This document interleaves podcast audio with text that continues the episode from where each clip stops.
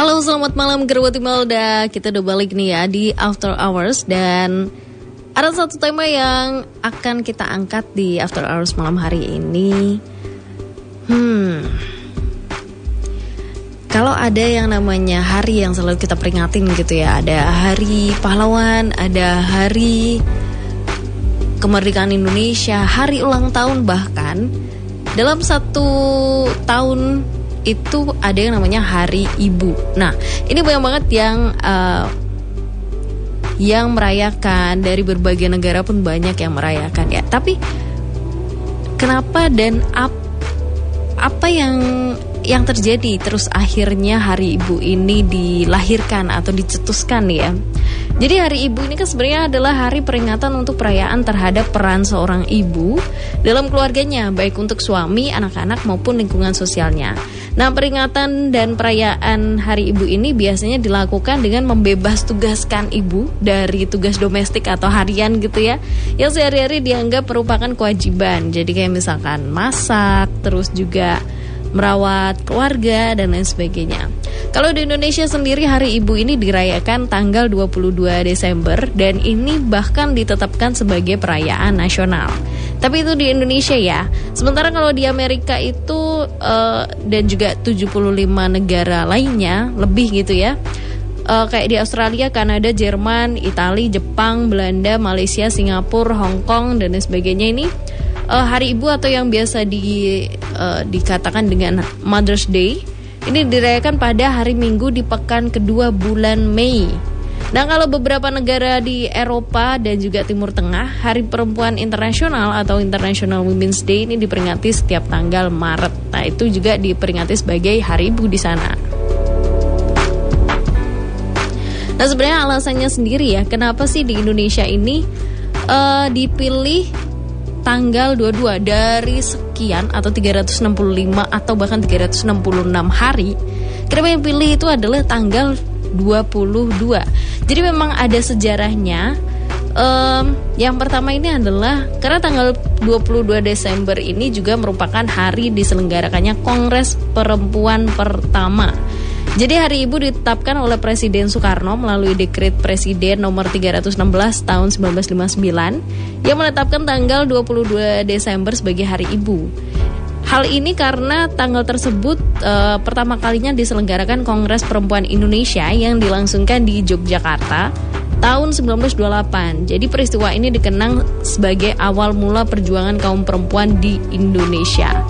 Dan pada tanggal tersebut uh, berbagai pemimpin dari organisasi perempuan di seluruh Indonesia ini berkumpul dan bersatu dan juga berjuang untuk kemerdekaan serta perbaikan nasib kaum perempuan. Hmm. Nah, uh, pas Presiden Soekarno ini menetapkan Hari Kartini ya sebagai bentuk penghargaan terhadap aktivis yang memperjuangkan emansipasi wanita yaitu Raden Ajeng Kartini. Ini sebenarnya banyak pro kontra juga karena dianggap bahwa Raden Ajeng Kartini ini hanya melakukan perjuangan di daerah Jepara dan Rembang. Dan ada yang bilang juga kalau Kartini ini dianggap lebih pro terhadap Belanda. Nah, untuk menghindari protes dari warga tersebut, uh, karena Presiden Soekarno sudah terlanjur menetapkan Hari Kartini, akhirnya ditetapkanlah Hari Ibu untuk mengenang para pahlawan perempuan lainnya jadi istilahnya biar dianggap adil gitu. Tapi ya mungkin maksudnya nggak begitu kali ya. Tapi ya karena memang pada saat itu ada pemprotesan atau ada pro dan kontra terkait dengan adanya hari kartini akhirnya uh, dipilihlah ada hari lain yang untuk mewakili para perempuan yang lain. Atau sebenarnya kan pahlawan kita yang perempuan juga banyak seperti itu. Ya kurang lebih kayak gitu ya. Terus uh,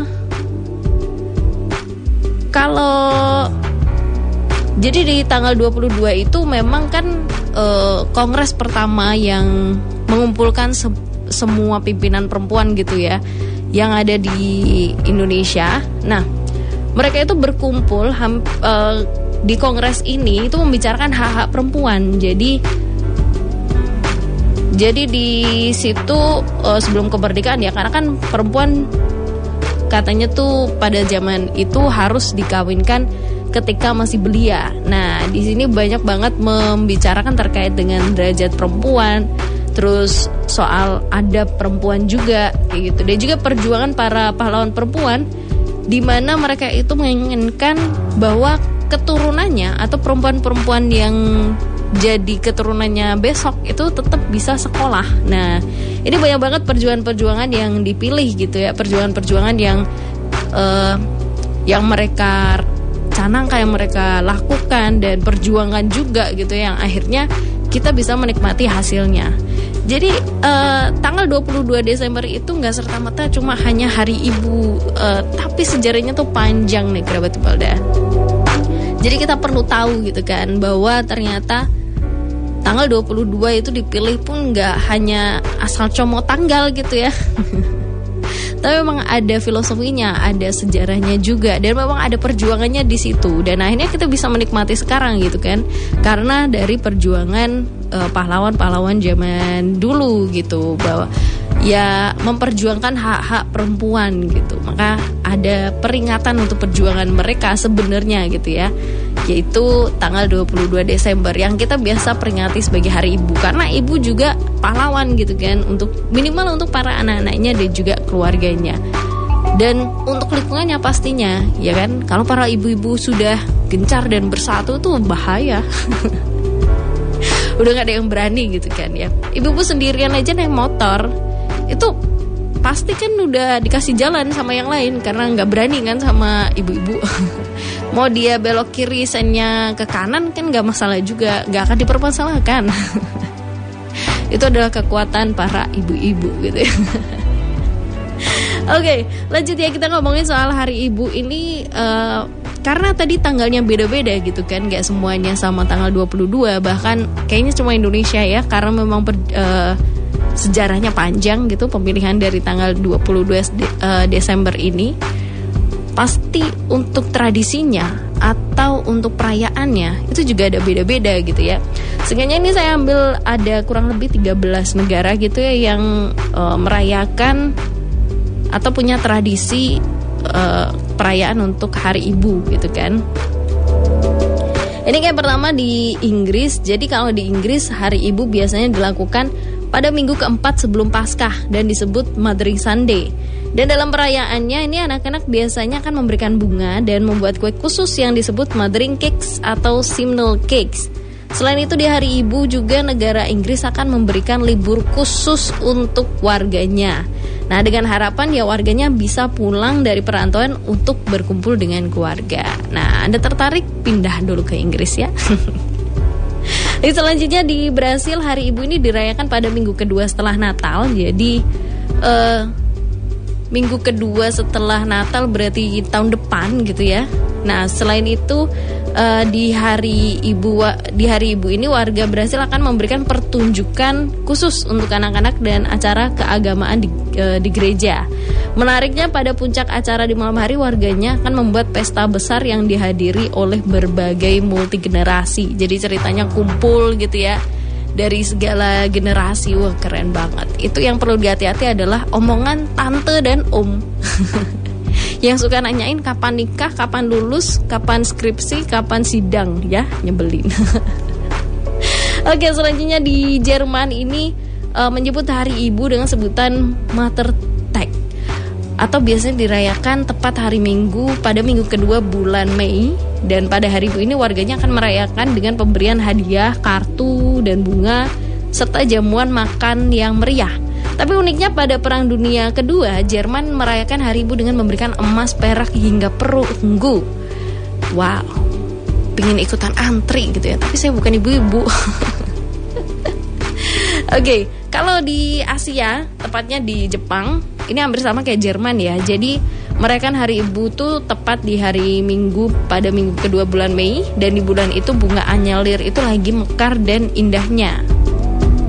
Jadi warga itu e, menganggap anyelir sebagai simbol kekuatan yang lembut sesuai dengan karakter ibu. Nah, di hari ibu ini Jepang akan membuat pentas seni yang melibatkan orang tua dan anak-anak yang bercerita sosok ibunya di depan kelas melalui gambar. Selain itu, anak-anak membantu mengambil alih pekerjaan rumah tangga dan membuat makanan istimewa untuk keluarga. Aduh, enak banget gitu ya. Andai kan hari ibu tiap hari suka ibunya. Nah, kalau di Australia uh, sebenarnya hampir sama ya kayak negara lain. Jadi dilakukan dengan pemberian hadiah. Di Indonesia pun dia hampir mirip gitu ya, ada pemberian hadiah kepada ibu atau membebas tugaskan hari tersebut ibu nggak boleh ngapa-ngapain gitu kan. Nah, tapi kalau di Australia ini bedanya adalah banyak dari kalangan organisasi sosial yang juga membuat acara penggalangan dana untuk perempuan. Keren ya. Kalau di Peru, Hari Ibu akan dirayakan dengan pemberian barang hasil buatan tangan dari anak-anaknya kepada ibu. Jadi kayak e, tanda terima kasih dengan segala yang telah diterima. Dan selain itu para ibu juga akan mendapatkan hadiah berupa coklat dan makanan. Jadi harus hasil buatan tangan itu juga e, apa ya sangat menyentuh gitu ya kalau bisa dilakukan oleh anak-anak. Kalau di Perancis sendiri enak banget ini para ibu akan dimanjakan dengan bersantai dan mengandalkan anak-anaknya ini untuk melakukan seluruh tugas-tugas di rumah. Jadi selain itu ibu akan mendapatkan uh, atau diberikan hadiah berupa puisi yang dibuat oleh anaknya dan dibacakan kembali. Kemudian melakukan makan malam bersama-sama dengan suasana santai dan menyenangkan. Duh, terenyuh gitu ya. Kau bikin puisi itu ya, ibu. Engkau adalah ibuku istri dari ayahku. Iya bener lah. Ya tapi seenggaknya kalau bisa ngerasain anak kita gitu ya buat kita ngasih puisi walaupun mungkin selucu apa gitu ya tetap aja kita mau terharu ya kan? Ya kan para ibu-ibu? Nah kalau di Ethiopia hari ibu ini dirayakan pada akhir musim hujan Yaitu sebagai bagian dari festival Antros yang didedikasikan untuk para ibu Ketika cuaca cerah, anggota keluarga akan pulang untuk merayakan pesta dan anak perempuan secara tradisi ini akan membawa sayuran, mentega, rempah-rempah dan keju. Sementara anak lainnya membawa daging dan ber, dari berbagai jenis termasuk domba dan juga banteng. Kalau di Serbia, ibu akan diperlakukan istimewa selama tiga hari libur. Duh, siapa yang gak pingin nih? Waduh, kalau Perancis tadi sehari doang loh, ini tiga hari. Jadi di mana Hari Ibu berlangsung pada bulan Desember ini sebagai serangkaian liburan termasuk Hari Anak dan Hari Ayah. Oh, di sana jadi satu gitu ya. Jadi keluar satu keluarga itu bisa libur gitu kan. Uniknya pada ketiga perayaan ini e, nantinya mereka akan diikat dengan tali di tiap perayaannya. Di hari ibu, ibu akan diikat dan diberikan makanan lezat serta hadiah kecil dari anak-anaknya. Oh, kenapa mesti diikat ya? Seru sih tapi kenapa mesti diikat ya? Oke, okay, lanjut ya kalau di India nih Hari Ibu sebenarnya belum jadi hari libur nasional uh, dan India biasanya merayakan pada hari Minggu kedua bulan Mei. Dan inilah saatnya untuk mengucapkan terima kasih kepada para ibu. Biasanya seperti itu, tapi memang belum jadi hari libur nasional kalau di sana. Kalau di Meksiko uh, mulai perayaan pada malam sebelum Hari Ibu dengan kunjungan ke ibu atau nenek uh, mengikuti keesokan harinya dengan kebaktian gereja khusus dan menyanyikan nyanyian lagu tradisional La Mananitas uh, oh sorry La Manenitas dan lagu, uh, lagu ini adalah lagu ulang tahun yang populer. Keren ya. Jadi memang ada perayaan yang khusus gitu apalagi uh, maknanya itu kayak dari hati terdalam dan bikin terharu gitu kan kalau di Thailand, di Thailand ini biasanya dirayakan bersama dengan hari ulang tahun Ratu Negara. Jadi perayaan ini terjadi pada tanggal berapa saat Ratu merayakan ulang tahunnya. Biasanya perayaan ini dilakukan dengan cara parade, konser hingga kembang api. Selain itu di hari ulang tahun ini sekaligus hari ibu biasanya dijadikan sebagai hari libur nasional. Oh, jadi tanggalnya tuh bebas ya, bukan bebas tapi menyesuaikan kalau ratunya uh, karena ratu kan nanti ada periodenya ya. Nah, sesuai dengan ratu pada periode tersebut dia ulang tahunnya di hari apa, bulan apa. Jadi akan disesuaikan atau ditetapkan sebagai hari libur nasional dikarenakan juga ditetapkan sebagai hari ibu. Kalau di Swedia ini dirayakan pada hari Minggu terakhir bulan Mei uh, biasanya mereka akan membuat sarapan sendiri yang ditaruh di tempat tidur serta kartu ucapan. Dan selain itu warganya juga akan mengumpulkan uang dengan menjual bunga plastik warna merah. Kemudian hasil penjualan akan diberikan kepada ibu dan anak yang membutuhkan. Oh, keren-keren ya. Bahkan di Indonesia juga sebenarnya hari ibu tuh banyak banget versinya. Ada uh, istilahnya kita nggak ada patokan tradisinya yang seperti apa gitu ya. Ada yang membebas tugaskan orang tuanya nggak ngapa-ngapain gitu kan. Jadi si anak udah bagi tugas dengan ayahnya untuk memanjakan ibu gitu kan. Ada juga mungkin ngajak orang tuanya ke mana, jalan-jalan, spa, manicure, pedicure, duh enak banget. Atau memberikan uh, hadiah gitu ya. Itu yang sering kayaknya memberikan ke hadiah kepada ibu dari uang tabungan yang sudah ditabung selama satu tahun gitu kan, duh dengan ucapan uh, selamat hari ibu dengan puisi yang terbaik gitu kan. Uh, walaupun kita nggak tahu apakah barang itu diperlukan oleh ibu atau tidak yang penting kita mah cukup duitnya buat beli.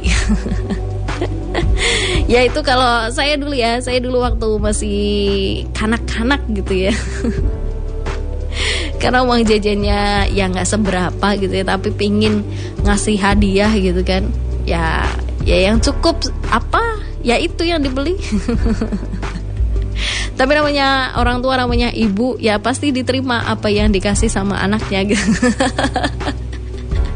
Oke, okay, hari ibu uh, ya walaupun hari ibu nggak nggak mesti jatuh di salah satu tanggal gitu ya dalam satu tahun. Walaupun kasih sayang nggak nggak harus kita kasih cuma di tanggal 22 Desember kalau untuk di Indonesia kita bisa kasih sayang kepada orang tua itu kapan aja kita bisa berikan itu. Jadi uh, mau merayakannya di tanggal 22 atau merayakannya setiap hari itu adalah pilihan kita semua. Oke, okay? jadi nggak masalah. Cuma kalau misalkan mau memperingati perjuangan para pahlawan uh, perempuan khususnya itu bisa juga diperingati di tanggal 22 Desember. Oke, okay, itu ya untuk dari Hari Ibu dan hari ini sudah sudah kita bahas ya. Jadi tahu dong sejarahnya kenapa yang dipilih dua-dua, kenapa nggak 20, kenapa nggak hari Sabtu Minggu gitu ya harinya uh, jomblo eh enggak ya. Oke, okay, ketemu lagi uh, di After Hours pastinya nanti kita akan bahas lebih banyak lagi hal-hal yang seru buat kerabat Timbalda. Tetap stay tune aja di After Hours.